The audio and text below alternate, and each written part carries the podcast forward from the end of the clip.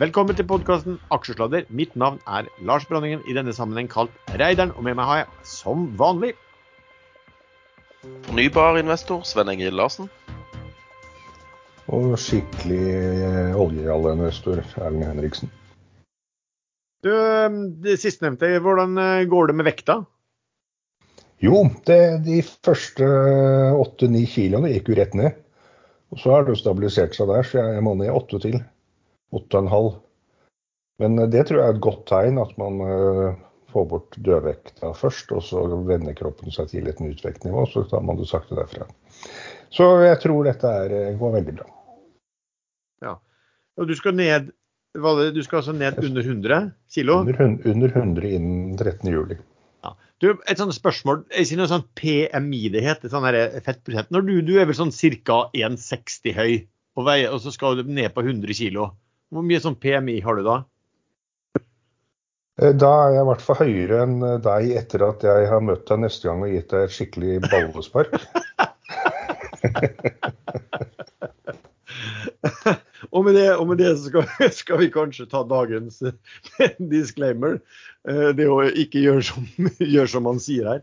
Eh, Vi gir ingen råd dersom du hører på hva vi sier her om markedet, aksjer, enkeltaksjer og livet for øvrig, er ansvaret helt og holdent ditt eget. Det kan forekomme feil i det vi sier i programmet.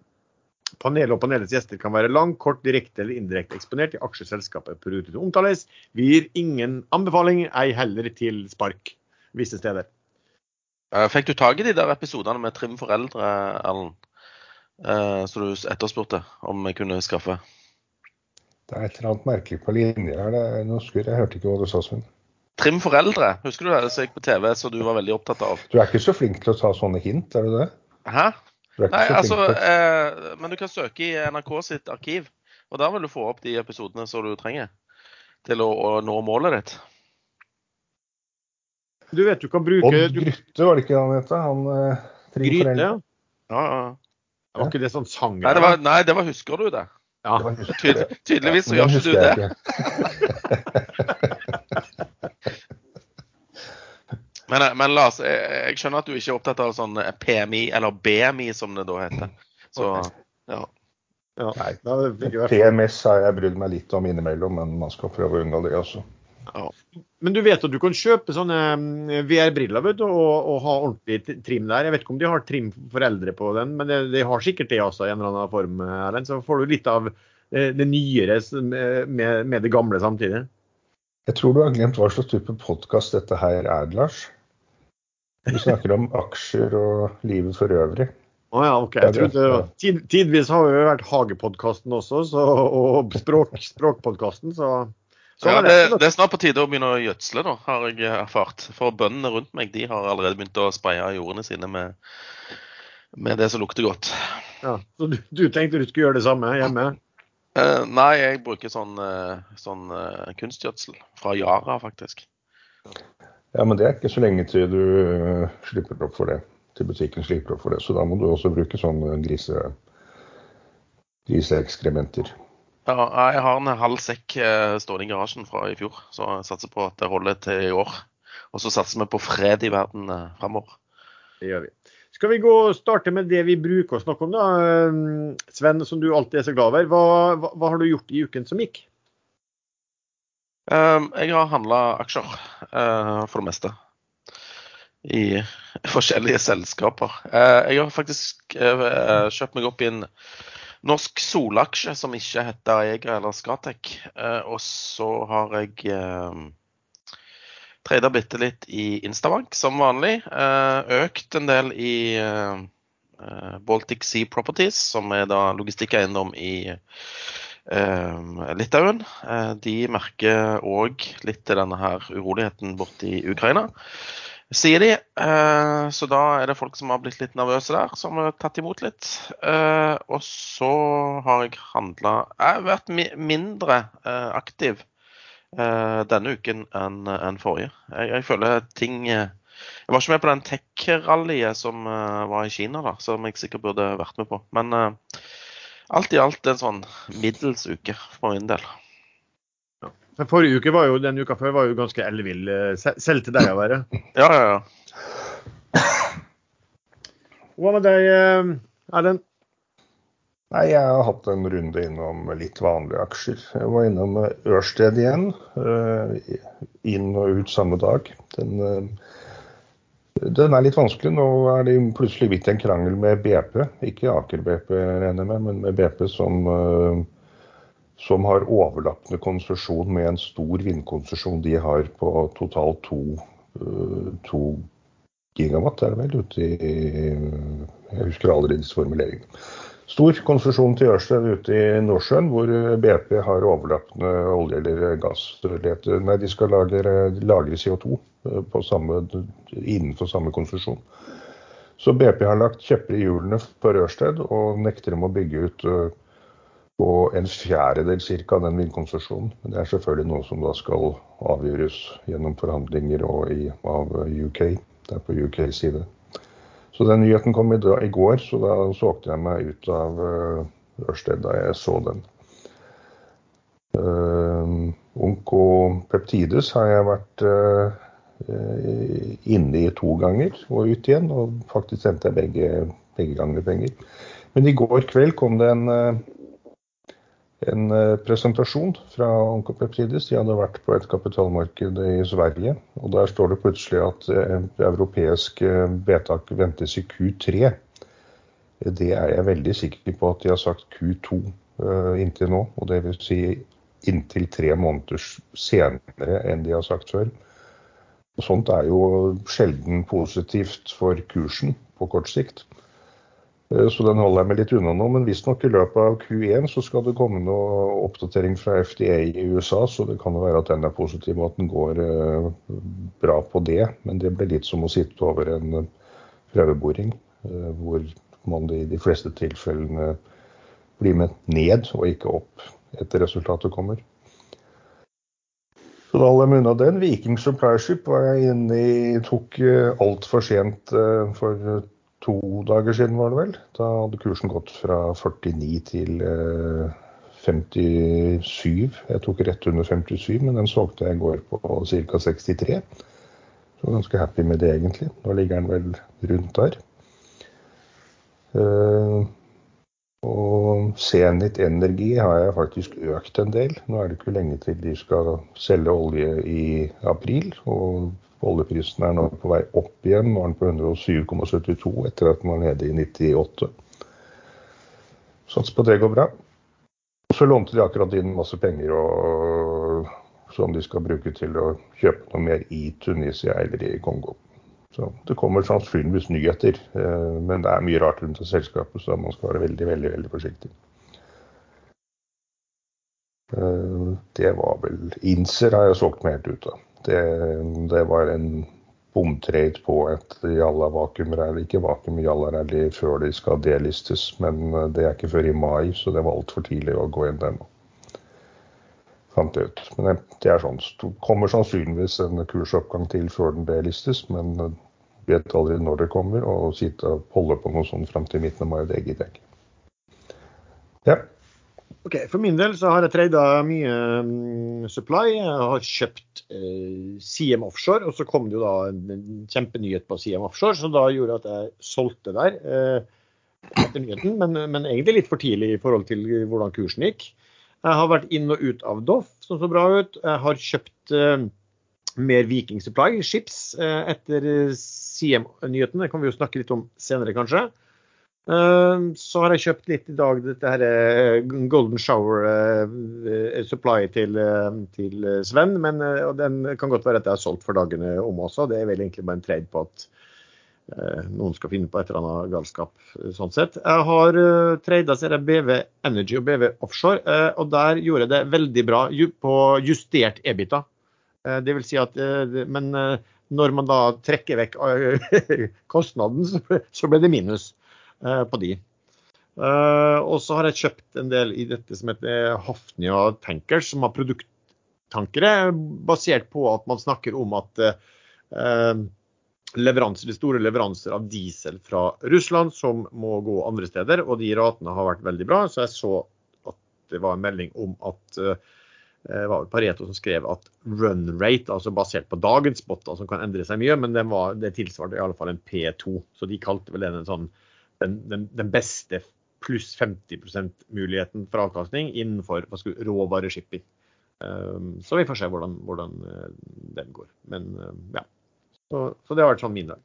Du, um, har det vært noe emisjoner eller noe nedsalg eller debutanter eller noe som helst i uken, Sven?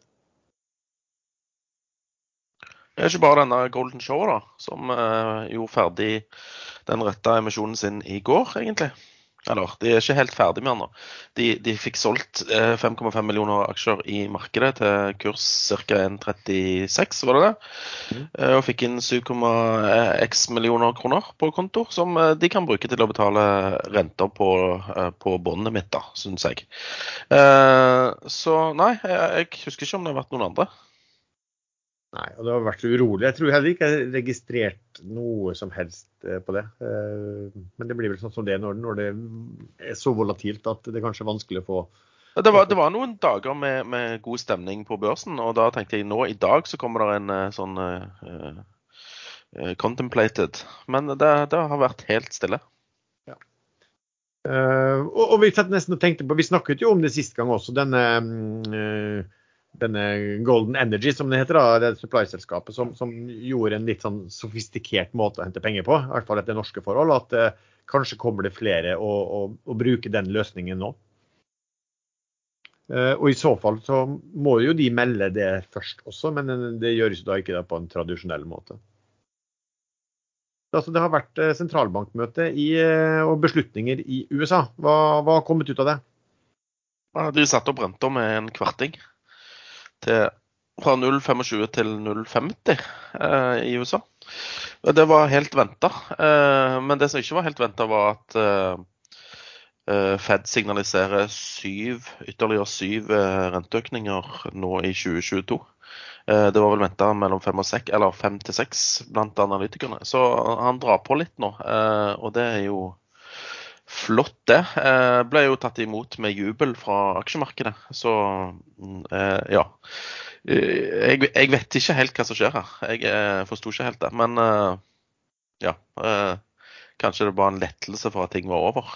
Eller så var det dette her at Kina skulle, skulle hjelpe aksjemarkedet sitt. Uh, uansett da, så, så, var vel egentlig Fed-møtet som venta, var det ikke det, Lars? Ja, hva, hva, men det jeg ikke fikk med meg helt, hva, hva sa de om, eh, om, pengetrykkingen, altså balansen sin? De sa at de skulle eh, med et senere møte, klarte ikke helt å spesifisere hvilket, så skulle de sette i gang med å redusere eh, balansen sin. Som er på 9,7 trillioner dollar. Ja. Men, men, holder de da fortsatt på å trykke penger og kjøpe i markedet, eller har de stanset det? Det har de stansa med nå i mars. Ok. Uh, men uh, ja, du nevnte jo dette her med sentralbanken i, i Kina. Hva er det de uh, har funnet på? De har funnet på at de skulle støtte aksjemarkedet sitt fordi at enkelte tech-aksjer som de da hadde gått inn og tukla litt med og sagt at f.eks. han Jack Ma da ikke fikk lov til det ene og det andre, og de måtte stanse liksom sånne IPO-er, denne Ant Group eller hva det var for noe. Eh, de sier plutselig fordi at aksjemarkedet, eller eh, de aksjene, eh, tech-aksjene spesielt, falt veldig kraftig. Så finner de ut at nei, nå skulle de slutte med den tuklingen, og så skulle de satse på at aksjemarkedet skulle holde seg sterkt. De skulle benytte Jeg vet ikke om de sa alle midler, men ja, når, når kineserne bestemmer seg for noe, så tror jeg de er ganske sta. Og da skal de redde aksjemarkedet fra nedgang. Ja, og det, og det medførte vel altså Var det i Hongkong at børsen gikk, gikk en 15% eller sånt på to dager? Ja, og, og tech-aksjeindeksen var vel sånn opp plutselig 30% en dag fordi ja, disse tiltakene kom i gang. Ja, fordi at Alibaba da, som en, en gigant, det er jo der han Jack Ma da, som du nevnte er, er, er toppsjef, den gikk altså faktisk 36% på onsdag. På, uten, uten, en nyhet fra selskapet, men kun fra nyhet fra vi si, myndighetene. Det sier jo litt om, om eh, hvor, eh, litt om risikoen knytta til hva myndighetene måtte finne på når du kan ha de enorme uh, utslagene. Ja, nei, men Vi har tydeligvis en framsynt uh, bergenser da, uh, på ekstrainvestor som han sa han må kjøpe sånne tech og sånn Kina-tech. Og jeg kikket på denne Baba, uh, Alibaba, uh, som en tikker Baba. Og den var på 74 uh, da. Så tenkte jeg nei, nei, det skjer sikkert ingenting der. Uh, så jeg bare lot den seile, da. Men den stakk jo rett opp i nesten 120. Ja, Nå, nå er den på 99 igjen. ja, opptrett, den var opp 36. Ja, det var vel, det var den. Ja, ja, det var, det var, så jeg bare tenkte Så jeg ble litt sånn eh, ah, Fuck, altså. At jeg ikke jeg kjøpte noen aksjer der, i hvert fall. Ja. Ja, men jeg jeg er blitt eh, Ja, i tillegg til å være lat, jeg er blitt gammel. Men hvis man ser på månedschartet på den aksjen, så var jo det bare en liten eh, kvise nede på ja, ja, ja. ja, For den kommer fra 320 i oktober, før den begynte å ramme Denver.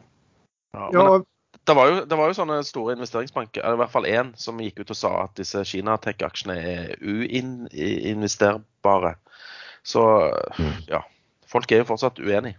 Ja. Jeg så, vet du hva, jeg satt, gjorde akkurat sånn som du, Sven. Jeg satt og så på den på rundt 74-75 og tenkte hm, skal man kjøpe? Og så bare nei, OK. Droppa det og ble også litt sånn der Man blir litt snurta nå. Ja, dagen, dagen men- etterpå. Men jeg, jeg hadde blitt finta ut der uansett, fordi at eh, jeg siktet på den på åpning, på, da var den rundt 74, og på closen så var den 76. Og jeg hadde jo solgt den på close, da, for ja, det var jo litt av et rally, liksom. Ja. Uh, så jeg er egentlig glad jeg ikke kjøpte. På Alibaba, men Alibaba har vel han Charlie Munger, han øh, høyrehånden til, øh, til Warren Buffett, han har vel kjøpt Er ikke han som har kjøpt ganske mye der og ligget og kjøpt der rundt 120-130 øh, kurs? Er, er ikke han Munger òg eh, ca. 120-130 snart? Han må vel nærme seg 100. Han er godt opp på 90-tallet i hvert fall. Ja, han er langt opp på 90-tallet. Jeg skjønner ikke at han gidder. Er det noe galt i det, holdt jeg på å si nå? Men han Munger han har jo en uh, veldig god kontakt med en uh, Hongkong-kineser som uh, har pushet han inn i disse aksjene. Forklarer han hvorfor de skal være så bra. Ja, hva er, det, hva er det argumentasjonen hans? Har han noe Nei, det, det, Kina er jo et enormt marked. Det er jo ja. hvor mange flere Fem ganger, nesten fire ganger flere kinesere enn amerikanere. Selv om det er på, faktisk allerede nå på retur. Veldig snart, i hvert fall. Men øh, ja.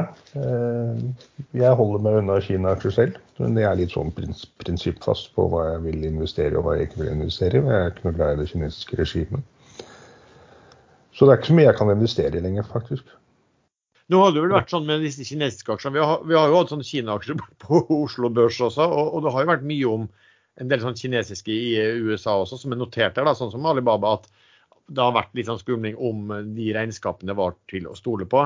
Nå, nå tror jeg også det var, var snakk om at eh, Kina også skulle liksom altså de, de skulle gjøre slik at eh, de regnskapene ble liksom eh, hva skulle vi si, behandlet da, sånn som vi er vant med fra, fra Vesten i forhold til eh, revisorselskap og, og prinsipper og sånn også.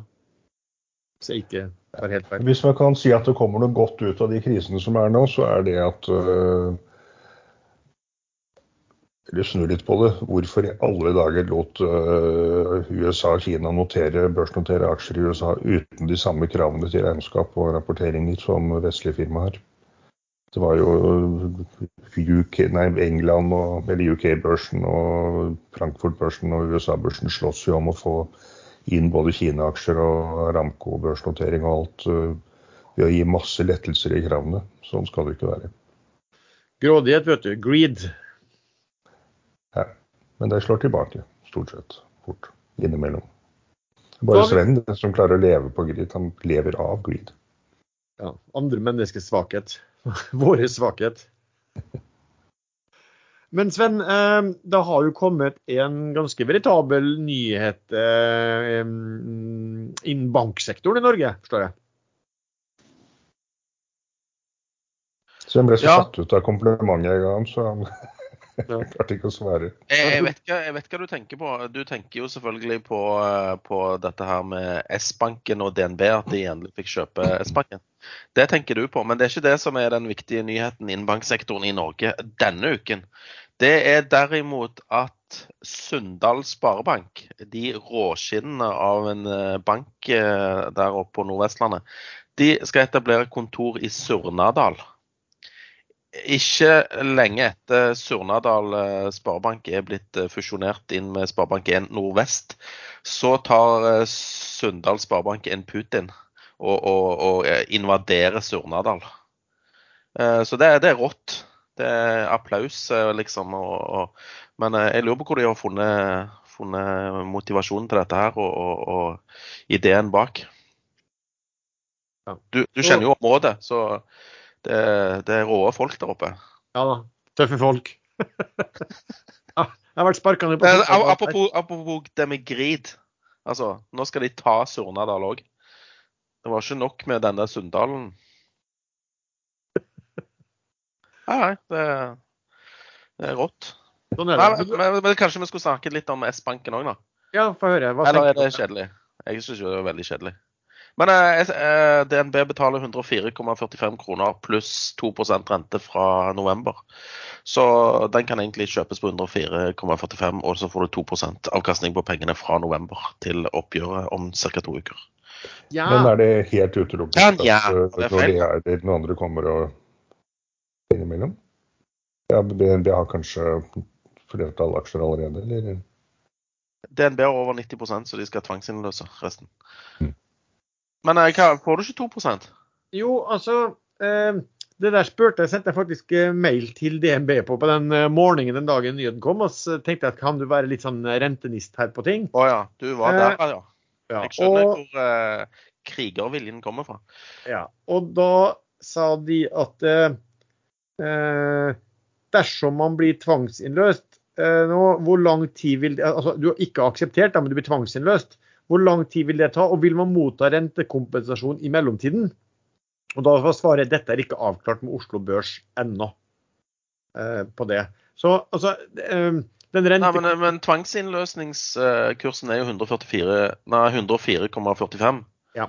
Eh, og men de som blir tvangsinnløst, de skal ikke få de rentene fra november? Det Er det du prøver å si? Det er vel eh, sånn altså, for, for du må huske på følgende at de som skal ha rent, altså fra november, det var de som faktisk har akseptert budet. Ah, Og de som har akseptert budet, har faktisk eh, sper, har vel sper, fått sperra aksjene sine også. ja, ja, ja. Mens eh, hvis du løper inn og kjøper aksjen nå, eh, så gir det jo egentlig ingen mening da, at du skal ha rente fra, på, på det fra, mm, fra november. Nei, det gir ikke mening, men det hadde jo vært en fri trade, altså fri, ja. fri gevinst. Så en den sa det kan du bare kjøpe, og så tar du det til Høyesterett, og så ser du hva resultatet Nei, som sagt, så blir- i tillegg til å være lat, så har jeg blitt gammel òg, så det gidder jeg ikke. Nei, eh, vi har vel da fått eh, Vi har snakket mye om supply i det, denne podkasten her. Eh, egentlig ganske, ganske lang tid. Og nå har det jo begynt å røre på seg. Kursen har jo gått veldig mye. Og så, og så fikk vi plutselig da en, eh, en eh, Det har jo ikke vært noe innsidekjøp og noen store transaksjoner, men så fikk vi plutselig en industrialist som gikk inn og tok seg til jafs. Eh, Sven, hva, gjorde, hva, hva skjedde? Nei, det, det kan Erlend få snakke om. Han liker supply bedre enn meg. Ja, det var jo Sveas som gikk inn og kjøpte hele posten til GIK. Eh, GIK er da Eksportgarantiinstituttet. Sånn Bruker ikke nøyaktig definisjon på det, men de eide vel 32% tror jeg. eh, Som de hadde Men hvilken aksje er det du snakker om? CM Offshore. Ja, OK. Eh, Så etter en eh, restrukturering eller rekonstruksjon der, så fikk de da såkalt ufrivillige aksjer. Og jeg har jo sittet og sett på den aksjen lenge, og på papiret så ser vel ikke den så gæren ut. Men eh, med da flere ufrivillig storeiere, så tenkte jeg at den eh, kan man sitte og se på et halvt år eller et år til, til disse er solgt sakte, men sikkert ut. Men det endret seg jo kraftig da, da Sveaas tok var det 32,5% og da er det ikke så mange ufrivillige igjen, men det er noen. Så, men kursen her gikk jo da fra under fembil til eh, han kjøpte på 720-tallet, og der ligger den vel nå. Ja, for det her er vel det oppsiktsvekkende. at altså, Det er uf, en ufrivillig aksjonær, men eh, Sveås smukker jo altså til Han betaler altså, hva var det, godt over 50% vel? Mer enn 50% over børskurs. Jeg tror det var 4,80 den, eh, den dagen, eh, dagen, altså dagen før, og så meldes det at han har kjøpt den på 7,26. Eh, og, og det sier jo kanskje litt da, om hva hans syn på, på det markedet her også, når han, når han går så høyt. Ellers har han blitt eh, gammel og slapp på sine eldre dager og gidder ikke å prutte så mye lenger. Nei, men Du skjønner jo hvem som har tatt initiativet til transaksjonen når eh, kursen går der han går. Det er ikke geek, for å si det sånn. Nei, det er det ikke. Men så har vel han en uh, motivasjon til, og det er uh, Sveas uh, eierskap i, i rørleggerselskapet, VVS AB. Viking Supply Ships, ja. VVS AB var det, ja. Det kan jo fort bli en eh, fusjon mellom de to på en eller annen måte. Så Det er jo derfor eh, Viking Supply Ship har gått veldig kraftig, og den kan jo gå mye mer. Men det vet jo du mye mer om. Eh, ja, fordi at altså, Viking Supply Ships de har jo mye ankerhåndteringsfartøy. Og Siem Offshore har jo tidligere vært ute og sagt at de vil gjerne være en konsolidator i dette markedet. Og spesielt har de vært interessert i å være det innenfor eh, ankerhåndteringsfartøysegmentet. Eh, og nå kom, og, og da, når, når Sveas, altså han, eh, da Kistefoss, som er hans selskap, eier 78% av børsnoterte Viking Supply Ships, eh, kjøper seg såpass inn i CM Offshore, så gir dette jo veldig mening. Og eh, toppsjefen i CM Offshore han bekreftet jo også at de allerede hadde hatt tidligere prat med Viking Supply Ships. Så føler vel at det ligger veldig mye til rette for, og, det gir jo veldig fornuft, å eh, slå disse sammen. Spørsmålet blir jo da bare hva skal det prises til? Når den meldingen kom da om CM Offshore, så kjøpte jeg en hel del på morgenen. Syns det var veldig eh, god risk reward å kjøpe mer eh, Viking Supply Ships. eh, som vel også har steget ganske nydelig eh, etter hvert. Når folk tok det inn over seg hva, hva det her kanskje betydde for det, eh, for det selskapet. Eh, fordi, i hvert fall i min holdning er vel at jeg tror ikke Sveås driver opp motparten på en måte sin aksje 50 selv, og, og, og uten at hans eget selskap skal prises opp eh, tilsvarende. Da. Så ja, akkurat nå så ser jeg vel at hvis du ser på en eh, prisbok på de selskapene der, så er vel, eh, er vel eh, Viking Supply priset til 0,33 ganger bok, og Siem Offshore ca. 0,57. Men eh, bok har vi gjentatt gang på gang her at det er litt sånn urealistisk i forhold til. Altså. Vanskelig å vite hva som ligger bak det. Men du tror ikke eh, Sveås kommer til å by på hele Siem Offshore? Fordi at eh, eh, Siem eh, de skulle jo lage et nytt selskap, Siem Sustainable Energy, eller hva det heter for noe, eh, som da eh, bare ville ha denne her Altså, det virker som de ville gå litt grønnere enn en supply-båter. Ja, men følte ikke du at det var bare en litt sånn, litt sånn grønnvasking? Eh, at eh, de, de, har, de har jo ingen fartøy, og de har jo stor virksomhet innenfor olje og gass. De, de har jo en del av de eh, fartøyene som gjør fornybart, da. Men at eh, jeg, skjønte egentlig ikke helt Jo, men hvorfor skal Sveås ta 32% av Siem Offshore hvis han ikke har tenkt oss å eh, ta resten? Eh, jeg, jeg tror du Siem har lyst til å selge seg ut? Det virker jo sånn. Han skal jo lage sånn grønt selskap. Jo, men det er, innenfor, det er jo innenfor shipping. Ja, men jeg, jeg har ikke tenkt den tanken før, Sven. Den er jo ikke helt eh, Den er jo ikke helt far-fetched. Men jeg, jeg tror heller fortsatt at det er mye mer sannsynlig at eh, han også bruker dette her som en, eh, en, en måte også å, å få innlemmet da, Viking Supply Ships inn i Siem Offshore. Jeg er helt sikker på at isolert sett synes at eh, Siem Offshore er interessant eh, på tall. Um, men om han skal løfte alt der, tja. Men eh, jeg, jeg, jeg merker dere har snakket om rørleggerbedriften, og jeg, jeg tenkte ja, snakker de om Subsea 7 igjen, men det var jo ikke det, da. Uh, uansett, da, så uh, mista ikke den, eller mister ikke uh, rørleggerbedriften i Sverige de kontraktene i Russland, da, så de så sendte aksjekursen rett opp på. Eh, jo, etter alt å dømme så gjør de jo det. Eh, nå er det vel sånn at jeg forsto vel at det var gode tider helt sånn kortsiktig uansett for den type Ok, eh, ja. fartøy nå. Men eh, det, det er helt riktig. Og den, den falt jo ganske god tilbake. Den lå vel i tror den, lå, den kursen lå vel i rundt 43 eh, når den kom den meldingen. Og så var den jo oppe i langt, langt opp på 60-tallet. Og så falt den tilbake igjen til en ja, 47, hvis jeg husker riktig. Eh, før nå fikk en veldig opptur da, når, etter det her med, med når nyheten om eh, Så den gikk jo opp, gikk opp 22% den dagen hvor det kom eh, melding om at eh, Kistefoss hadde kjøpt så mye innen Siam Offshore, og, og, hva de hadde betalt. da. Så Nei, vi får se. Det blir interessant å se, da. Men, men klart, når du har to parter som begge tydeligvis mener at det er fornuftig med en sammenslåing, så peker jo mye på det, da, men du har jo alltid dette at altså, pris betyr jo ikke det, er jo ikke er ikke bare å slå sammen, man skal jo bli enige om pris også, selvfølgelig. Eh, men det er, hele den transaksjonen er jo så interessant. Det har jo dratt opp kursen på alt annet av, eh, av supply også. altså eh, Doff, som hadde fått en skikkelig smell, har jo kommet eh, mye tilbake på få dager. Og, og, og, og Solstad Offshore har jo også bare fortsatt eh, klart opp de siste dagene.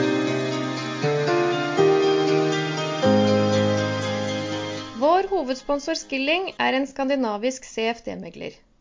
Skilling tilbyr lynrask og kurtasjefri handel i norske og globale aksjer, indekser, olje, råvarer, valuta, ETF-er.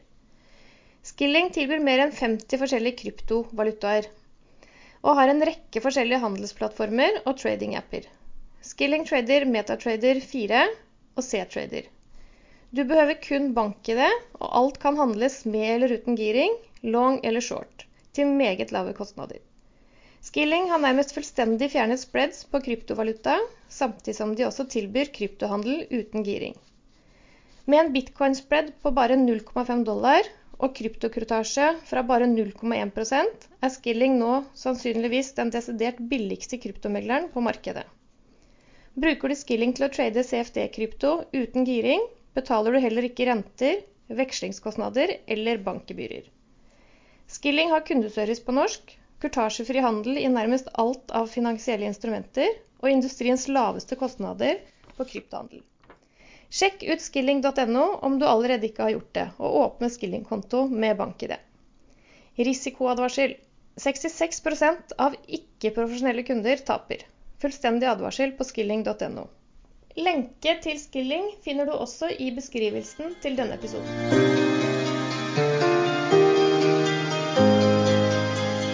Oljeprisen har jo fluktuert veldig, og man snakker jo om en, eh, at det kan komme en eh, liten uh, olje... Hva skal du si? En, en, priskrig. At det er et veldig stramt marked, og kanskje i, i flere år. Men jeg vet ikke om noen av dere så at det kom da, en melding fra IEA. Uh, som nå kommer med forslag, altså Det internasjonale energibyrået kommer med forslag, ti forslag for å kutte det globale oljeforbruket. Erlend, du bruker jo å følge litt med på sånt. Hva, hva, hva har de eh, kommet med? Jo, eh, de foreslo eh, De ønsket at verden setter ned fartsgrensene for å redusere drivstofforbruk. Og da er det kanskje spesielt Tyskland man sikter til. Men det er vel sånn på motorvei sånn drivstoffmessig så mener jeg at rundt 90 kanskje er det mest økonomiske. 110 da da må man holde gassen litt inne hele tiden, så da ryker det nok en god del. Som er i Norge. Men i Tyskland er 130 stort sett anbefalt hastighet på motorveien, og det er klart at da går det mye drivstoff. Eh, men det, det som folk kanskje reagerer mest på, er at de ønsker å innføre søndagsfri bilkjøring. Eh, bilkjøringsfri søndag. Eh, og det har det har verden hatt før. Eh, oljekrisen var det 76 eller 73? Da Saudi-Arabia skrudde igjen kranene og Vesten rett og slett ikke, slett ikke fikk nok olje. Det var 1973. Det er òg året uh, Det året du kan svinge til høyre i USA ved rødt lys, ble innført. Aha, ja. Eh, så det, det, fungerer jo stort sett. Men det er klart akkurat Norge som er et hytteland, så er jo det litt kjedelig når man skal hjem igjen. Eh, så da må vi innføre mandagsfri på, på jobben. Men det er jo sikkert mange happy for. Så man kan kjøre hjem på mandag isteden. Men eh, det fungerte helt ypperlig i 1973. Jeg husker da jeg var liten. Da gikk vi faktisk opp og ned til byen hvis du skulle det. Det var koselig. Det var sånn søndagstur til byen da gatene var fulle. Motorveien var full. Men jeg mener at vi også hadde datokjøring. At uh, partall og oddetall kunne kjøre bil annenhver dag i resten av uka. Og jeg er ganske sikker på dette er mulig at hukommelsen spiller med et pussel nå, men jeg er ganske sikker på at vi også gikk på trikkeskinnene. Uh, brukte det som i dag kalles T-bane, uh, fra Nordberg inn til sentrum på kanskje det var søndag.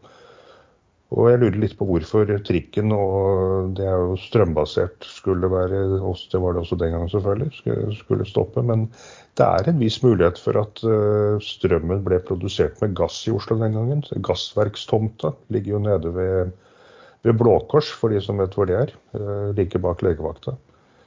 Så Oslo hadde gasskraftverk før, og det er faktisk en liten mulighet for at vi produserte strøm med gass den gangen. Men dette er det sikkert, jeg har ikke googlet opp, så det er det sikkert andre som vet. Men jeg er ganske sikker på at trikkeskinnene også var fulle av mennesker. Ja. Men det jeg ser faktisk er at IEA har faktisk det som eh, forslag. Bytte på tilgangen til veien, datokjøring i store byer. Store ja, og det for de aller fleste fungerer det helt utmerket. Da sier man ok, da drar jeg på Jeg kan kjøre bil på tirsdag, torsdag og lørdag, og søndag kan ingen bruke bil. Og så er det masse unntak for næringsliv og andre som får unntak, eh, handikappet og sånn. Så det, det, er ikke noe veldig stort offer. Eh, og hvis dette kan bidra til at eh, Vesten gjør seg mer uavhengig av russisk olje og gass akkurat i den situasjonen med, etter at de er invadert et selvstendig naboland, så, så gjør jeg gjerne det. Det de sier da er at Hvis man følger de tiltakene, så kan man redusere daglige forbruket med 2,7 millioner fat per dag innen fire måneder. Eh, og da er ja, farts, altså Det å redusere fartsgrensen er da en, er 430 000 fat per dag. Og så har de å jobbe hjemmefra, da. Én eh, dag sparer 170 000 fat per dag. Tre dager i uken, det er jo mye, da. Sparer en halv million fat per dag. Eh, bilfrie søndager, da sparer man 380 000 i snitt per dag. Da. Eh, og det med å bytte tilgang til veiene, jeg trodde det var mer, men det er 210 000 fatt. Så har du også sånn promotere effektiv kjøring eh, som skal gå eh, for lastebiler og vareleveranser. Da kan du spare 320 000 fat per dag. Og så har du det å begrense fly, selvfølgelig har du jo da. Eh, sparer du 260 000 fat. Så det er 2,7 millioner fat per dag innen fire måneder. Ja. Det er jo en fjerdedel av Russlands oljeproduksjon sånn sirkus. Det er klart at det bidrar kraftig. Det vil vel òg hjelpe deg i andre sammenhenger, har jeg forstått? Hjelpe meg? Ja, deg personlig. Nå henger jeg ikke helt med. Det kommer nok en sånn Har, har ikke du eh, et sånn veddemål eh, med en annen her? Ja, så du mener at IA, IAE, IA, jeg husker allerede navnet der, eh, gjør dette for min skyld? Det, det, er, det syns jeg er ganske snilt. Nei, men jeg syns du var veldig optimistisk til, til dette forslaget. ja, jeg, jeg, er det. Jeg syns, dette er noe vi må gjøre. Vi må ofre litt alle sammen. Vi kan ikke men. Tenk på alle som kjører søndagstur og sånn, da. De ble jo dobbelt ramma. Ja. Det verste er kanskje de som lever av å irritere seg over andre som kjører søndagstur, at de ikke får noe å irritere seg over lenger. Det er faktisk ganske ille. Ja, Men du finner jo bare noe annet å irritere seg over. Slutt. Ja, slutt. snakker om å irritere seg. Nå ble jo da kringkastingssjef eh, valgt ny i går. Eh, og det ble en eh, dame fra egne rekker, altså ikke fra Arbeiderpartiet. Så nå lurer jeg veldig på hva Lurås i Resett skal irritere oss over de neste ti årene. Men var ikke han derre uh, Luros Var ikke han søker selv, da? Jo, han var søker selv. Så det var jo selvfølgelig bare en provokasjon for å kunne kalle seg forbigått og, og klage enda mer hvis det var en fra Arbeiderpartiet som ble valgt denne gangen. Men nå var det da altså fra NRKs egne rekker, eh, med lang erfaring og absolutt kvalifisert, og veldig mye bedre kvalifisert enn Luros, og nå har han ingenting å irritere oss lenger. Man kan irritere oss over det, da, selvfølgelig. Men tror, eh, men tror, dere da at eh, man kommer til å gjennomføre IEA sine forslag i industrialiserte land, Sven? Kort svar nei. Hvorfor ikke, Sven? Jeg tror det er noe av det mest gjennomførbare. Veldig enkelt. Kanskje ikke så enkelt i USA rett før et valg, men eh, selv i Tyskland tror jeg de er villige til det. Fortell en amerikaner at de ikke får lov å kjøre bilen sin en dag. Det, da, har det. Ja. da har du et problem. Du kan sikkert spare, gjøre En del av de tingene kan du sikkert, eh, sikkert gjøre. Men det er jo sånn som Sven, det, det hører, virker jo ganske urealistisk ut. Men det er klart at det er jo deres oppgave å kunne sette fram forslag og vise hva, hva det eventuelt Så kan man jo heller plukke hva som måtte være. Kanskje de kan finne på noen enda mer kreative trafikkløsninger, sånn som den der eh, sving høyre på rødt uh, i sin tid. Kanskje vi kan kjøre rett fram på rødt og til venstre og sånne ting. Ja, og du mener det Du får jo, får jo vekk en del biler fra veien etter hvert. Nå har det jo vært nye bruduljer igjen da, i dette som vi har snakket om med SalMar og NTS og Norway Royal Salmon. Og eh, nå har jeg forstått at du Ja, også har jeg har en klage. Jeg kjøpte NRS på closen i går, for jeg tenkte at eh, nå har folk misforstått her med at eh, nå, ble, nå skal NRS sendte to milliarder via ABG, da, som et eller annet frekkas sendte melding på i, i går. Jeg tenkte det ble jo ikke noe av fordi at de skifter ut styret der i NTS. Så ja. Nei, eh, du må fortelle hva som skjer, for nå, til og med jeg er, nå ligger jeg i minus her. Og det er jo en skandale. Altså eh, ligger vi også i minus nå, gjør ikke det? Nei, gjør ikke det nå, skjønner du. Så, men det begynner å, begynner å bare før jeg glemmer det, jeg må bare slenge inn. Jeg hadde jo den aksjen i to dager eh, for et par uker siden. Og jeg så akkurat nå på årsresultatet her, og den, den aksjen tjente jeg 75 000 kroner på på to dager med noen få aksjer. Mens dere driver og styrer ut og inn og analyserer og tenker og og har tjent en del mer enn deg. Men det er jo så. Um, jo, også Men eh, øh, om, om jeg hørte en viss eh, skadefryd i, eh, i, i spørsmålet ditt, eh, Erlend, og du sa du er vel også i minus her nå, Lars? følte at det var en viss forhåpning der. Kall det payback. Det var et forsøk på payback etter trakasseringen eh, tidligere i sendingen. Ja, men i alle fall, det, det, som, da skjedde her, det er, det er jo, altså, de har jo generalforsamlingen, de har til og med vært en, en i dag også. Men det, I går var det en generalforsamling i eh, Norway Royal Salmon, der disse NTS, som eier 68% og som er overtatt av de som skal selge til SalMar, de ville bytte styre. Fem minutter før generalforsamlingen eh, starter, så tar det styret da, som, som noen få minutter senere ble stemt ut, de beslutter da at eh, de skal hente inn to milliarder kroner og skal, har engasjert da, eh, eh, ABG til å gjøre dette her. Eh, dagen før så hadde jo kursen vært opp 5% 10 kroner per aksje. Eh, men da falt den jo nesten 10 kroner på den nyheten der også. Eh, og her er det jo liksom headlines òg, for jeg så media også skrev liksom at det skal gjøres. Men det kom jo faktisk inn et nytt styre da, fem minutter etterpå som eh, ikke er enig i det. Så har nå, nå har du også et styre i NTS, der det faktisk har vært styrevalg i dag, eller forsøk på å få ut de som er der, men der de ble sittende. Man blir vel forvirra av alt. I alle fall har du et styre i både eh, morselskapet NTS og i datterselskapet NTS som sier at en transaksjon ikke skal gjennomføres. Um, og da er det jo litt vanskelig å tro at den transaksjonen blir gjennomført, fordi at et avtroppende, uh, deler av et avtroppende styre vil gå for det. Så her, det her blir jo helt, helt ko-ko. Altså, det er jo altså, oppførselen til en del av disse hva skal du si, fiskeoppdrettsmilliardærene. Det er jo det er jo en totale sandkassa der. og de, de, altså de, de som da ikke vinner fram, de sitter der og hyler. og, og ser ut som de sitter i sandkassa og kaster sand på folk, og, og skal gjerne ha eh, generalforsamlinger hele tiden, da, sånn at de kan tape hver eneste forslag de kommer med. Så eh, ja, gudene vet hva som skjer. Men uh, SalMar, da, og, og det var snakk om at de, dette avtroppende styret gjorde det for å prøve å hindre SalMar i å kjøpe NTS. Men SalMar brydde seg lite. De kom samme dag eller i går kveld med, der de har lagt fram sitt tilbudsdokument.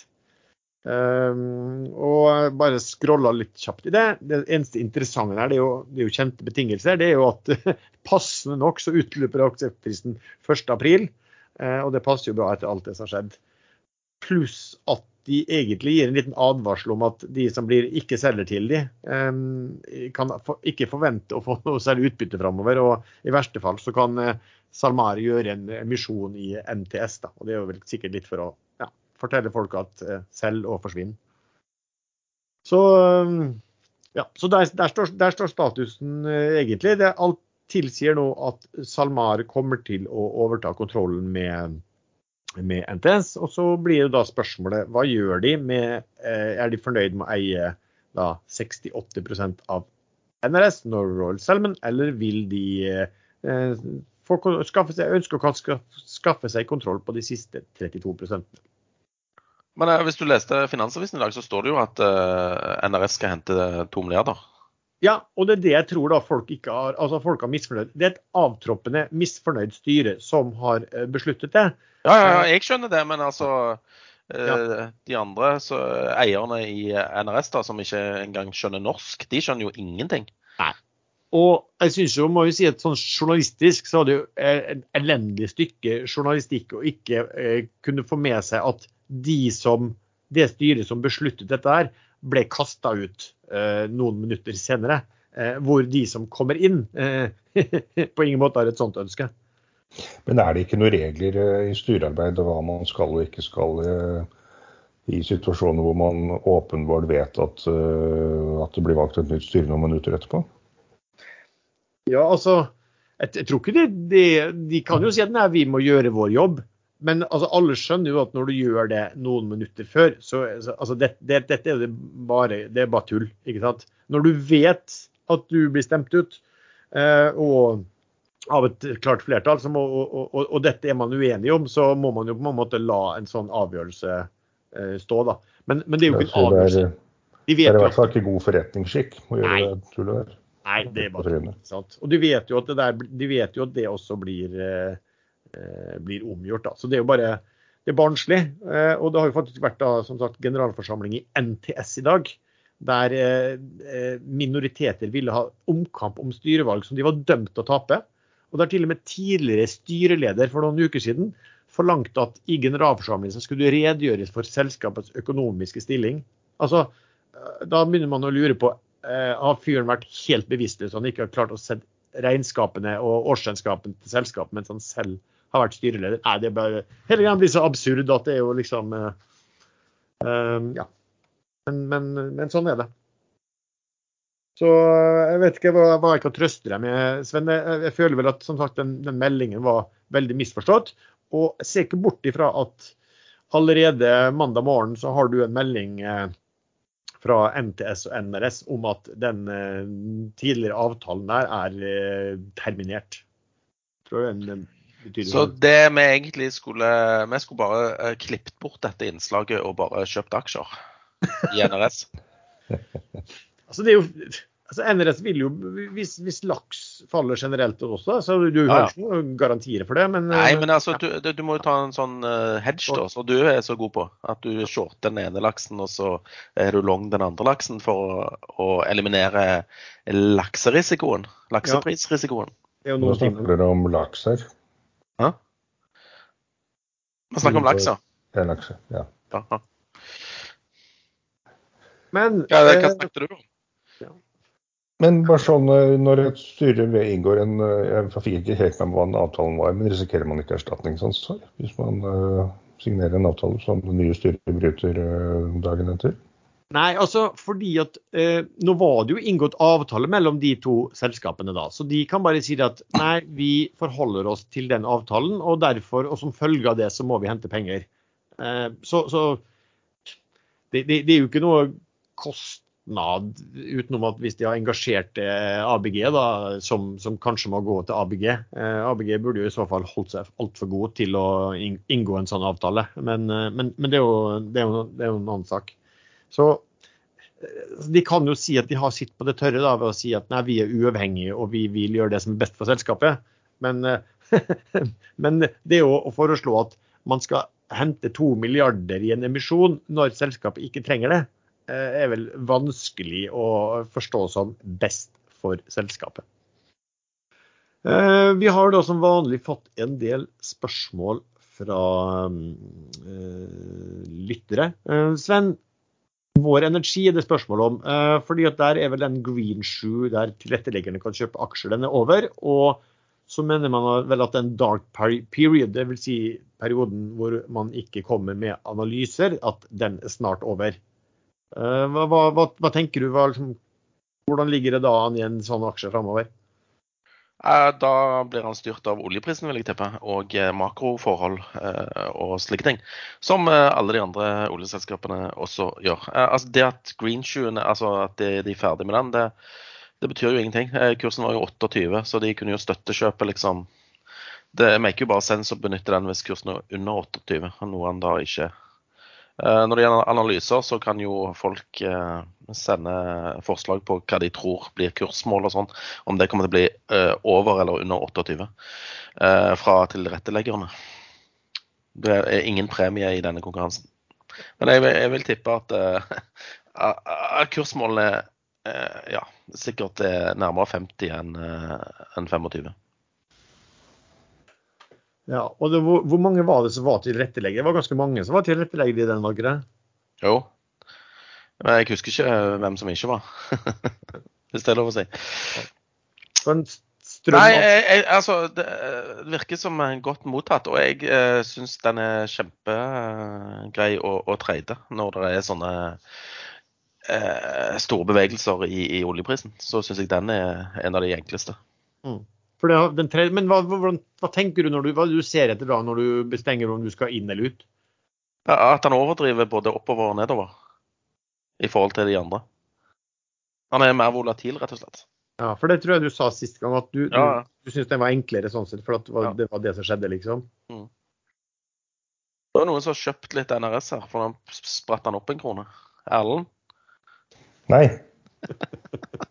Det, det, det virker som er. Erlend prøver å inkriminere seg sjøl her. Ja. Får ikke det helt til heller. Da klipper du sikkert ikke bort denne gangen, og så jeg står igjen som en stor dust. ja. Fristende, men, eh, men OK, vi får, får la være det, da. Erlend, du hadde noen synspunkter på, på REC, forsto jeg? REC, ja. øh, Jeg så bare tilfeldig her i chatten i går at det ble linket til at Samsung skal lage en ny batterifabrikk i USA.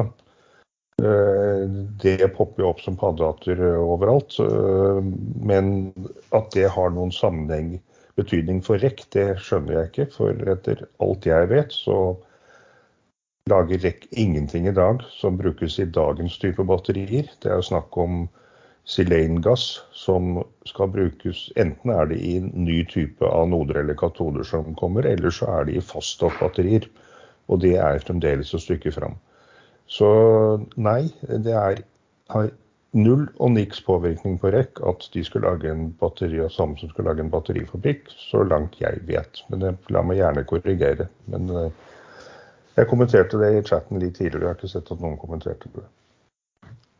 Så det er eh, Det er ikke, det er ikke man, må, man må kunne litt om caset man investerer i, ikke bare hive seg rundt fordi man hører ordet batteri.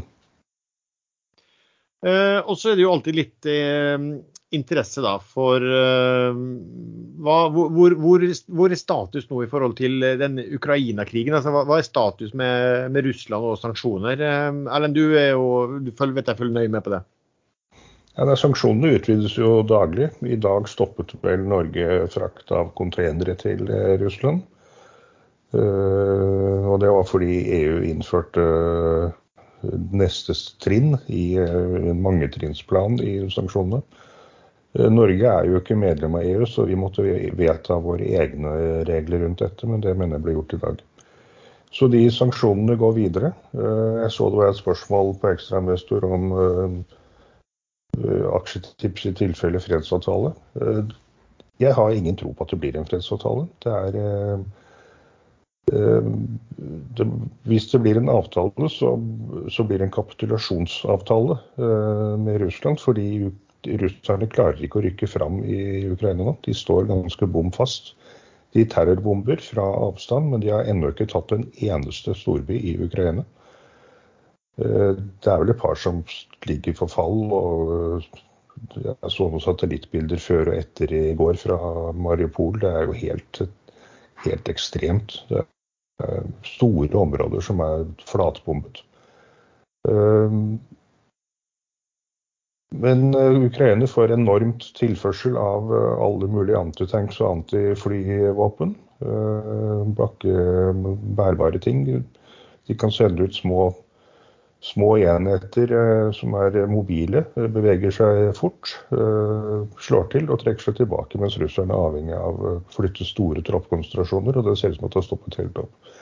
Men ting kan jo alltid snu i en krig, men akkurat denne gangen så tviler jeg på at russerne klarer å snu det. De har hvis alle, all informasjon man har fått stemmer, så har russerne brukt to tredjedeler av hele sitt konvensjonelle våpenarsenal på å invadere Ukraina, og de har allerede 100% av dette inne i Ukraina.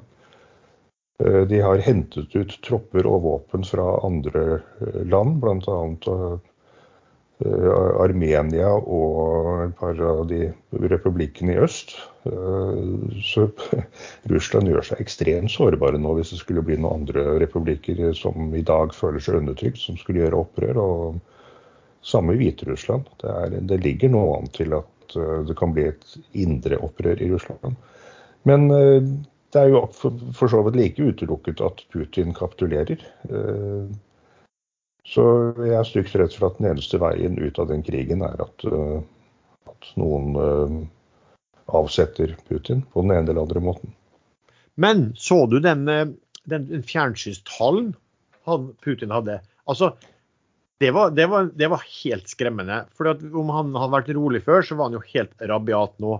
Han snakket jo om liksom forrædere og femte kolonister og at man skulle rense det russiske samfunnet for de som ikke, ikke, ikke tenkte som han, på en måte, og at det ville være så bra å få, å få renset dette opp. Og skjelte jo ut de som bodde i russerne, russere som bodde i utlandet, og, og, og brukte liksom sånn dehumanisering på egne, egen befolkning, på de som var imot. Som var, altså det, dette var jo helt Adolf Hitler eh, Kunne jo med glede holdt den talen her, tror jeg. Så det var jo ekstremt Eh, altså skremmende og eh, eh, når du ser liksom, Det er sånn doubling down, at du bare blir enda mer bestemt på hva du skal Ja, det var, Han har nesten allerede nå kommet til Adolf Hitler taler fra bunkeren i Berlin når krigen gikk på slutten og han skjønte at det gikk mot nederlag. Det var ganske ekstremt, det. Ja. Eh, men det som også er eh, ekstremt her, er at han gikk jo hardt ut mot eh, da, spesielt oligarker og andre nyrike russere som bor i utlandet og nyter godt av utenlandske fordeler og ikke tenker som russere. Det var det som var hovedpoenget hans, at de er ikke russere i hodet, de er blitt vestlige i hodet. Og de skulle elimineres bortimot. Jeg så en innslag på BBC i går, var det vel, hvor det ble i hvert fall påstått at han har alle oligarkene, også formuene deres, eh, under full kontroll. Han kan når som helst sette ned foten og ta fra dem pengene. Eh, nå er ikke det så enkelt i og med at Vesten har allerede tatt, tatt de fleste pengene, men eh, det er sånn han har bygget opp makten sin. De, de sammenlignet han med gudfaren, i en mafiagudfar som har full kontroll og gjør akkurat hva han vil og truer av hvem han vil, når som helst. Jo, men de kan jo ta det fram. Altså, det er jo ikke noen tvil om at mange av disse oligarkene, måten de har kommet til sine formuer, er hva skulle jeg si, for å si mildt spesielt. Altså, nå vet jeg ikke om det er riktig, men det var BBC nå føler vel at de kanskje tør å ta opp litt mer om han Chelsea-eieren Abramovic. Og da var det vel slik at uh, den russiske stat skulle, uh, skulle hvis, jeg, hvis, jeg, leste riktig på BBC, skulle, skulle altså selge ut et oljeselskap. Um, Hvorpå eh, Abramovic og eh, gruppen da, virket være den eneste interessenten. Eh, det var vel ingen andre i Russland som turte. Men så dukket det også opp disse, dette kinesiske store oljeselskapet. vet dere, CN ja, et eller annet. Sinco? Ja, de er i hvert fall veldig store. Og det som da skjedde, var at når kineserne kom til Russland for å forhandle og se på dette her, så ble han ene i den kinesiske delegasjonen han ble kidnappa. Så kineserne det var jo da, så kineserne endte opp med å, med å, reise hjem uten å legge inn bud. Så det var liksom eh, måten. Og, og, det var vel da eh, BBC antyda vel at det lå dokumenter da, som viste seg at her skjedde det grove, grove ting fra gru, grupperingen rundt Abramovic eh, i den forbindelse. Så det er klart at hvis, hvis når de har noen som er så blotta for moral på alle sider, så er det vel ikke så utrolig at de som sitter i toppen vet at de kan plukke fra dem eiendeler og putte dem i fengsel, sånn som de gjorde med Khodorkovskij når de ville. Det var vel akkurat et uh, hvor Hvordan, hvordan, sier man selvmord i sånne gåsetegn eh, på radio eller på podkast? Uh, en toppsjef i Gazprom, styreleder eller uh, toppsjef, husker ikke. Og det er ikke første gang i Gazprom. Der er det forsvunnet flere som har plutselig vært så uheldige å si noe som Putin ikke har vært glad i, eller oligarkene tatt dem ut. Men det, det, som var kanskje litt interessant, at han går, gikk så hardt ut mot disse. Det, for, for, min del så tyda det på at han var redd for at de eh, pønsket på noen Eh, ikke sant? For å eh, for, for, dette har jo vært hans medsammensvorne for, og at nærmest han prøver å få befolkningen litt mot dem. Bare sånn at de skal eh, tenke seg om flere ganger før de eventuelt gjør ting som gjør at han sjøl eh, sitter utsatt til. Ja, helt åpenbart. Men oligarkene har visstnok ikke hatt noe særlig innflytelse på Russlands politikk de siste årene. Der har han en liten gruppe med utvalgte hauker som har styrt Litt delvis også styrt han, visstnok. Så russisk politikk er ikke så enkelt for oss å forstå, og når man tror man forstår det, så var det ikke sånn allikevel.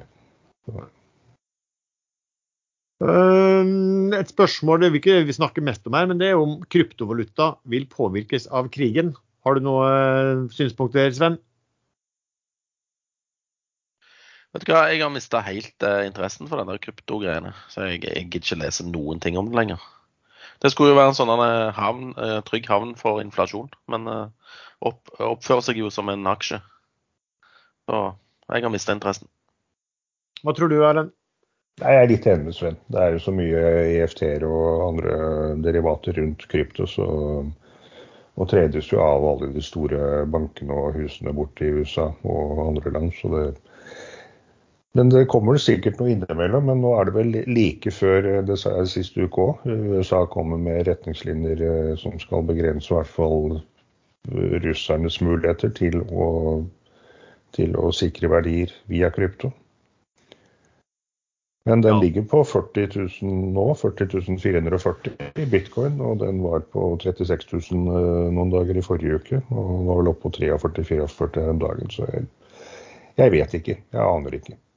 Men blir det langvarig, og eh, altså denne, mm, disse sanksjonene mot uh, Russland, som man kanskje kan anta at det blir uansett utfall av, av uh, en eller annen, i hvert fall hvis det blir en forhandlet fredsavtale, så kan man vel tenke seg at mange vestlige eller industrialiserte land eh, fort kan bruke muligheten, da, hvis man ser at Russland søker og, og, klarer å omgå ganske mye av det ved hjelp av kryptovaluta. Da kan du jo få, eh, få virkelig de tøffe, eh, de tøffe eh, forbudene sånn sett. da.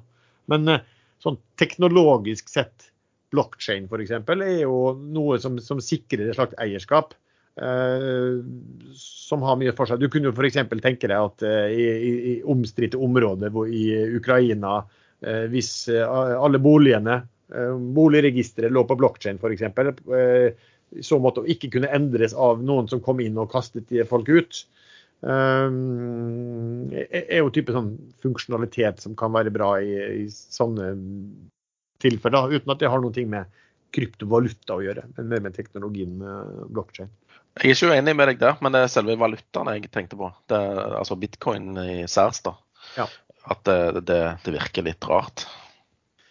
Eh, ja, for at, det, det, argumentasjonen her går i hvert fall Jeg husker jo, altså Først så skulle det være noe som revolusjonerte, og det er mange år siden. Eh, betalingene. ikke sant? Det skulle bli så bra å betale. og det, Den jo ikke, brukes jo ikke til betaling omtrent i det hele tatt.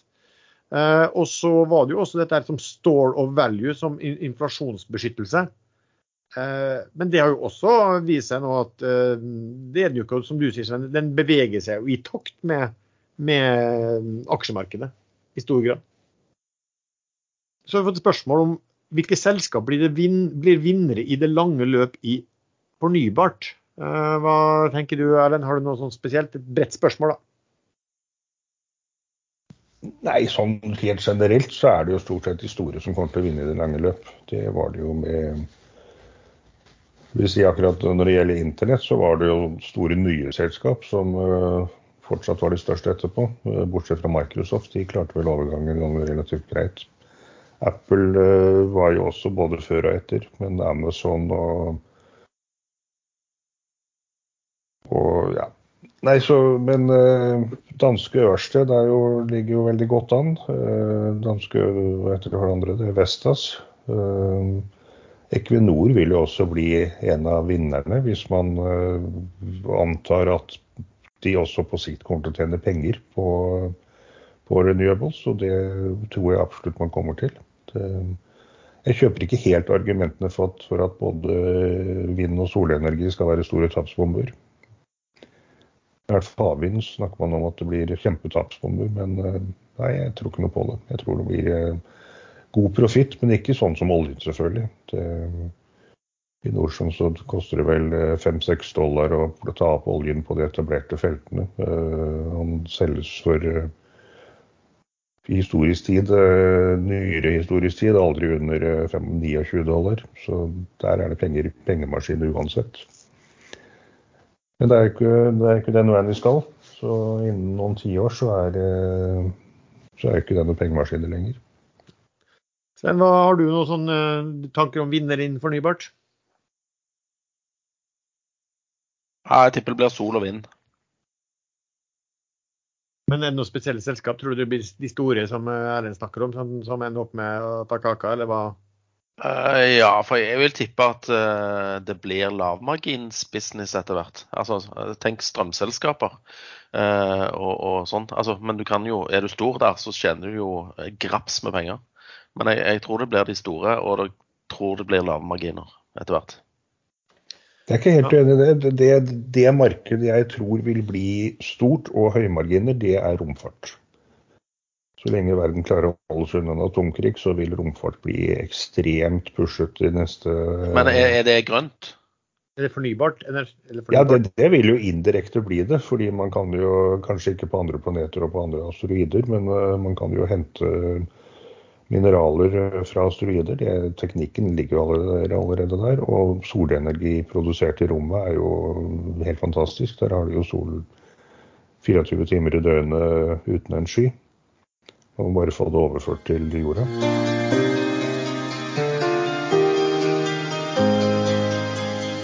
I forbindelse med den kraftige reprisingen av selskaper innenfor råvarer og energi spesielt, kommer Green Energy Group, tikker GEG, innom ekstrainvestor til live presentasjon førstkommende mandag klokken 13.00 for å gi en oppdatering på utviklingen i selskapets markeder og underliggende verdier. Green Energy Group er investert i 2D og OBN-seismikk, der markedet nå er tilnærmet utsolgt for 2022. Samt marine mineraler, der myndighetene holder stø kurs mot åpning av norsk sokkel i 2023, samtidig som metallprisene stiger kraftig som følge av økt etterspørsel og redusert tilbud etter invasjonen i Ukraina. Fra selskapet stiller selskapets styreleder Ståle Rodal, mens moderator er Øystein Vågen fra Fernlis. Du kan se sendingen live eller i opptak på ekstrainvestors åpne videosite incurate.com, eller på Facebook via gruppen Børsforum og ekstrainvestors egen side der. Du finner lenke i beskrivelsen til denne episoden.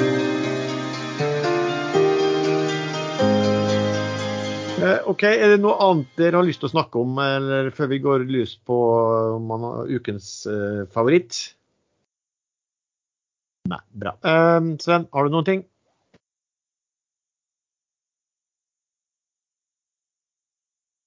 Oi, jeg glemte å uh, unmute. Så, men uh, jeg står ved det valget der, som jeg nettopp sa. Og det var? Jeg bare tøyser. jeg har kjøpt aksjer i en fornybar bedrift. eller et selskap som driver med fornybart, og da spesielt sol. Det er Norsk Solar. Fantastisk navn. Norsk Solar. Jeg tenkte, De som vant den eh, navnekonkurransen eh, det, det, det, må ha vært dårlig kreativitet i, i bedriften, føler jeg. Men uansett, Norsk Solar de, holder, de, har masse prosjekter rundt omkring i hele verden. De har 76 megawatt i operasjon eller under konstruksjon. Eh, de i Sør-Afrika, Norge, Vietnam, Eh, de har 9 megawatt i Ukraina, litt nord for Kiev, eh, som de meldte om for en uke eller to siden, at fortsatt var i drift. Det har ikke kommet noen ny oppdatering der. De eier vel 40% av det prosjektet der. jeg tror Eller jeg vet at de har mye i pipeline, og jeg tror de kan eh, bli relativt store. Og aksjekursen har falt som en stein. Eh, mulig han var litt dyr til å begynne med, men han kommer fra 12 og nå er han nede på 4. Og jeg har kjøpt en del aksjer der. Jeg tror det er en selger igjen som er et fond eh, med ca. 100 000 aksjer.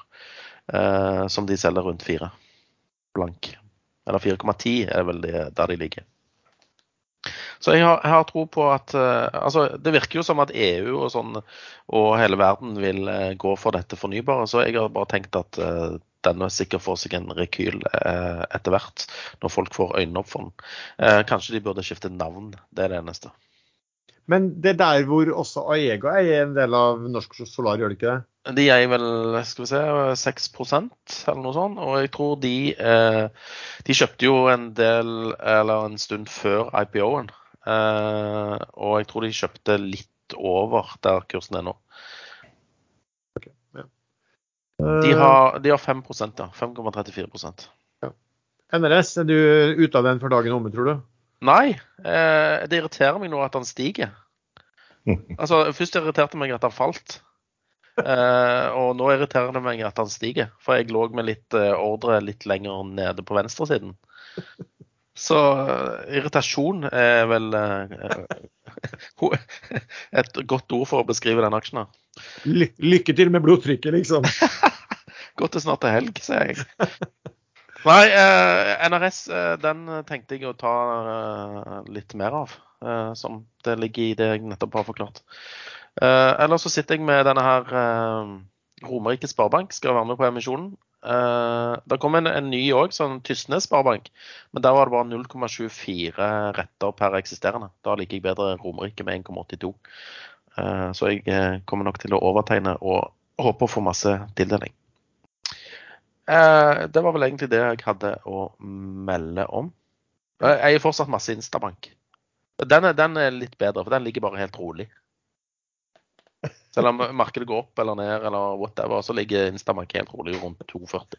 Passer meg utmerket. Det, det jo egentlig ikke likt deg å være fornøyd, og nå ligger jeg helt stille. jeg har såpass mange aksjer at jeg liker ikke når han går eh, for mye opp eller for mye ned. For da, Hvis han går opp, så føler jeg jeg må selge. Og faller han ned, så, så taper jeg jo penger. altså, Du heller håper på en sånn skikkelig god nyhet som smeller kursen rett opp uten at du rekker Ja, et eller annet sånn eh, oppkjøp eller noe sånt hadde vært midt i blinken for min del. Ikke sånn eh, profit warning. Det vil vi ikke ha. Nei. Erlend, hva har du for Har du noe spesielt? Nei, men jeg kanskje nevner, jo, jeg har det. Kanskje denne bransjen jeg ikke vil være investert i akkurat nå, det er flybransjen. Eh, det skulle jo bli så bra når, eh, når vi endelig var ferdig med korona. Eh, men det er vi ikke. Det begynner å stige inn i Europa. Det er noen voldsom oppblomstring i Asia. Kina har stengt ned storbyer med totalt 37 millioner mennesker her, eh, var det tallet i går. Det kan godt være 50 millioner i dag. Eh, det samme i Hongkong. Sør-Korea er veldig oppblomstring, men der er flesteparten av befolkningen fullvaksinerte med boosters. Og de, de, gjør som i Europa, at de fjerner flere og flere restriksjoner. Og så håper man at det ikke er en type ny variant som forårsaker denne voldsomme oppblomstringen, som man også ser i Tyskland og andre land i Europa. Men det er det ene. Men eh, krigen, eh, invasjonen i Ukraina, gjør jo selvfølgelig at eh, flybransjen sliter litt generelt. Man kan ikke fly over Russland lenger.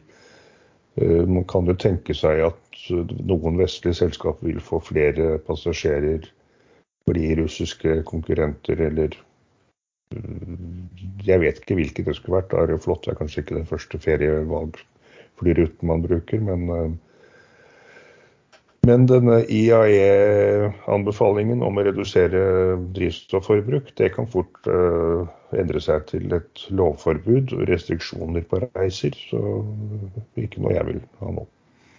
Eh, når det gjelder renewables, så kan man selvfølgelig gjøre som Sven og plukke ett selskap.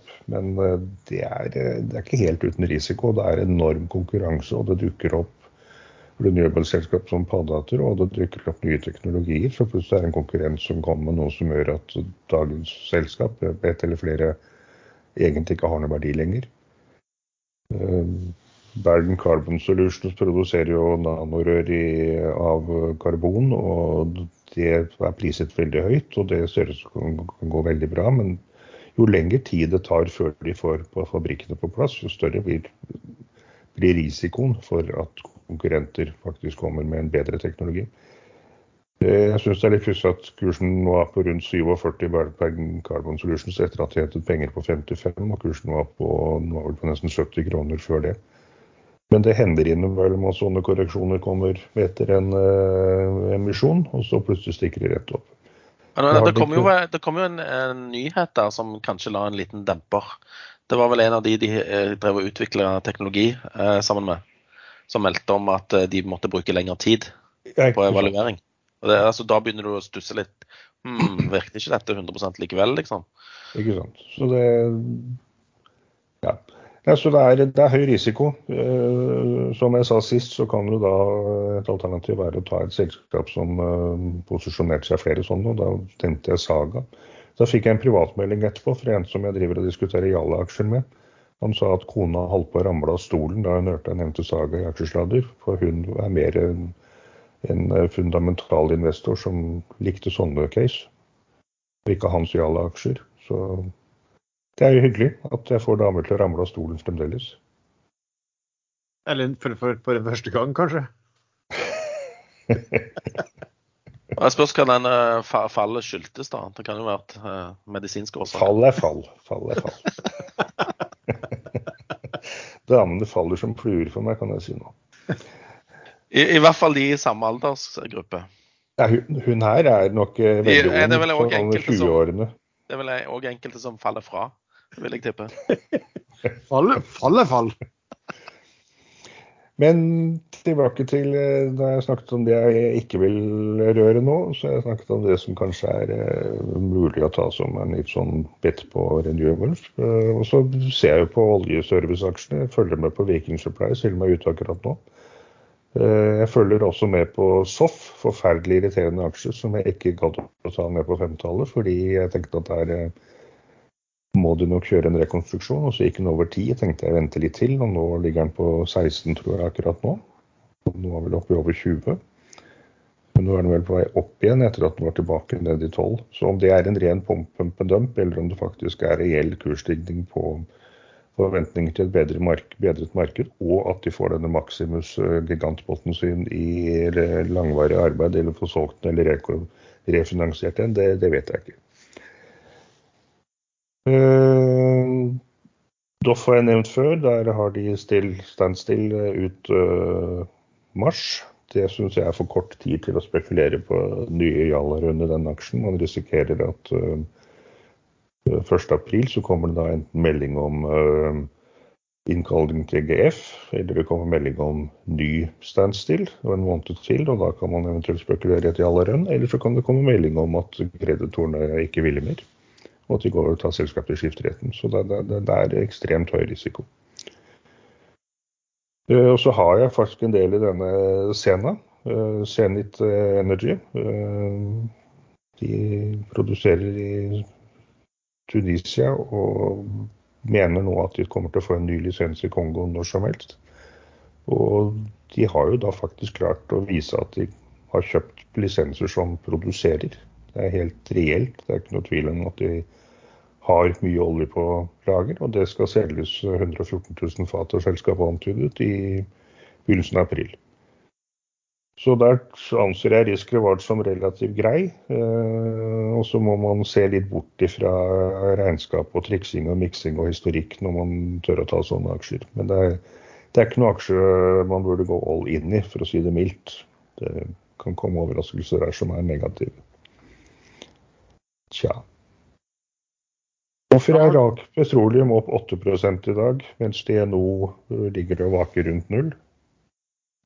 Det er fordi at Rak Petroleum er en illikvid uh, jævel av en aksje. Så eh, den, uh, den, må du ikke se på i det hele tatt. Akkurat. Det er bare når det er interesse rundt den. Det er sånn noen dager om Det har gått 12 000 aksjer da, uh, ja, i dag, så det Ikke bry deg om det. det. Tenk heller på noe annet. Ice Group og sånn, f.eks. Hæ?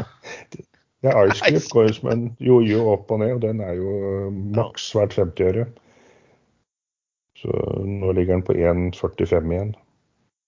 Da syns til og med jeg det er galskap når dette skjer gang på gang eh, på veien mot, uh, mot 50 øre maks.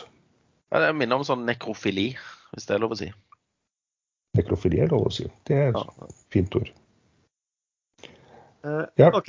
Ja, for min del så Jeg kan nevne da For sist gang så hadde vi tittelen var jo litt sånn shitstonk. Så det var jo da uh, Erlend sin uh, Zenit Energy. Og så var- snakket jeg om Petrolia. Uh, Petrolia er vel opp en 10 faktisk. Eh, fordi Ja, det har det jo vært Som sagt, tallene var jo bra. Og så kom det også en melding om dette. De, de hadde jo en eh, en hydrogensatsing, eller det, nei, det var ikke hydrogensatsing, det var en carbon capture-satsing, der de meldte i uken at de hadde inngått en intensjonsavtale med en sånn stor havn i eh, Tyskland om at de skulle gjøre noe sammen på det. Eh, litt, litt diffust, litt langt fram.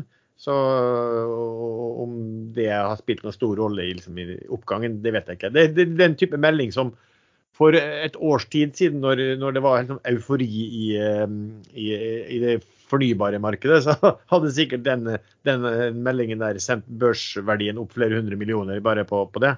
Eh, nå er man mer edruelig og, og, og vet at ting tar tid, og det er ikke alltid det kommer noen ting ut av eh, saken. Men den, så den sitter jeg på fortsatt. Jeg ser at det er jo også um, Kuster som har gått en del i dag.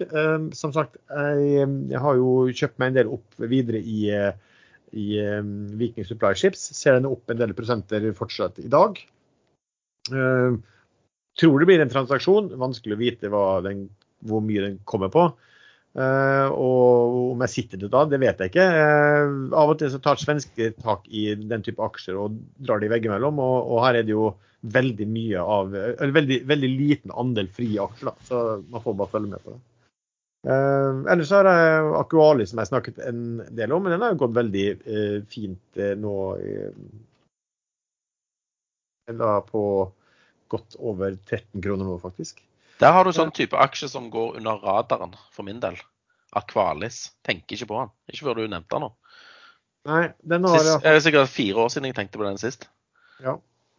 Den, den, har, de er jo veldig posisjonert i veldig bra områder. Da. Altså fornybar og, og eh, olje- og gassteknologi altså, hva skal vi, Konsulenter, egentlig.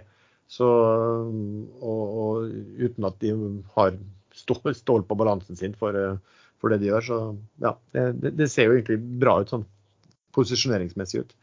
Eh, sist gang så snakket vi litt om Prosef også. Da nevnte jeg at eh, jeg hadde begynt å kjøpe og var litt irritert for at det hadde kommet eh, melding om at det var plukket poster lenge før jeg hadde fått kjøpt nok, og kursen gikk en del og solgte.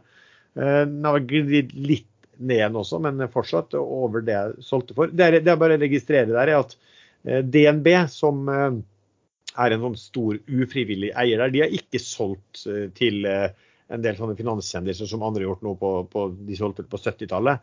De ser ut som de har begynt å selge eh, en del tusen hver dag. Ikke noe sånn stor takt, eh, men eh, de, om de har satt på gang en algoritme som, eh, som selger ut, det, det, det vet jeg ikke. Men de har i hvert fall de har vel 1,1 millioner altså, de, var i hvert fall tredje største i det selskapet. De har eh, de har ja, 1,1 millioner aksjer i selskapet. Det, det er klart Hvis de skal ut, så er jo det eh, noe som kan eh, tynge der. Da. Men det har jo sånn kommet inn en del interessante eh, aktører der på, på eiersiden. Så det var bare å, å nevne i hvert fall at der finnes det en sånn overheng. Men bortsett fra det så har jeg vel ikke noe sånn eh, ja, noe, noe spesielle eh, nye å snakke om i, for denne uken. Det er vel fortsatt å se om det, se om det dukker opp noen muligheter på eh, noen eh, nye meldinger og noen overreaksjoner her og der. Ja vel. Eh, klar for å ta helgen, gutter? Nei, vi må nok kjempe oss gjennom denne dagen her først. Eh, Jeg ser at Draghi, tidligere EU-sentralbanksjef, han sier nå at EU-kommisjonen bør sette prisgrense på gass. Altså en øvre grense. Mm. Så det, ikke la det frie markedet få utfolde seg, i hvert fall. Det skal vi ikke ha noe av. Ja, men når man snakker om flere hundre prosent stigning eh, som dreper eh, både privat næringsliv og, og privat husholdning, så Ja, ikke dette så kapitalisme, da? Som vi har kjempa for i eh, årtusener. Nå var det vel eh, et par hundre år siden de helt frie markedsliberalistiske kapitalistiske ideene ble revurdert og stemplet som galskap. Så vår kapitalisme har jo vært eh, kontrollert, statsstyrt, eh, statsregulert kapitalisme. Men, eh, men hva blir det neste, liksom? At de, at de stopper handelen med aksjer når de stiger eller faller for mye? Det skulle tatt seg ut. Nei, det skulle ikke tatt seg ut. Det syns jeg. Ja, de gjør jo faktisk det, den bagettspiseren nede i Frankrike. Ja, det er disse sentraleuropeerne som ikke liker volatilitet, tydeligvis. Nei, eh, man må styre kapitalismen, ellers så går det jo helt galt. Med det så avslutter vi dagens eh, sending. Eh, takker så mye til deg som har lyttet på denne episoden. Du kan treffe og låse stadig vekk inne chattene på Ekstrainvestor sin chat. Vi har også en egen gruppe på Facebook som heter Podkast Aksjesladder. Musikken er som vanlig laget av sjazz.com, og vi høres. Klokka er bare ti på halv to. Ja, Var det dumt? Nei, jeg tror det er bra. Hadde, hadde ingenting å gjøre på de neste timene. Jeg var litt, var litt lei seg at vi stoppa allerede nå. Jeg, har faktisk, jeg hadde sagt satt av til 13.30, så dette passet egentlig veldig bra.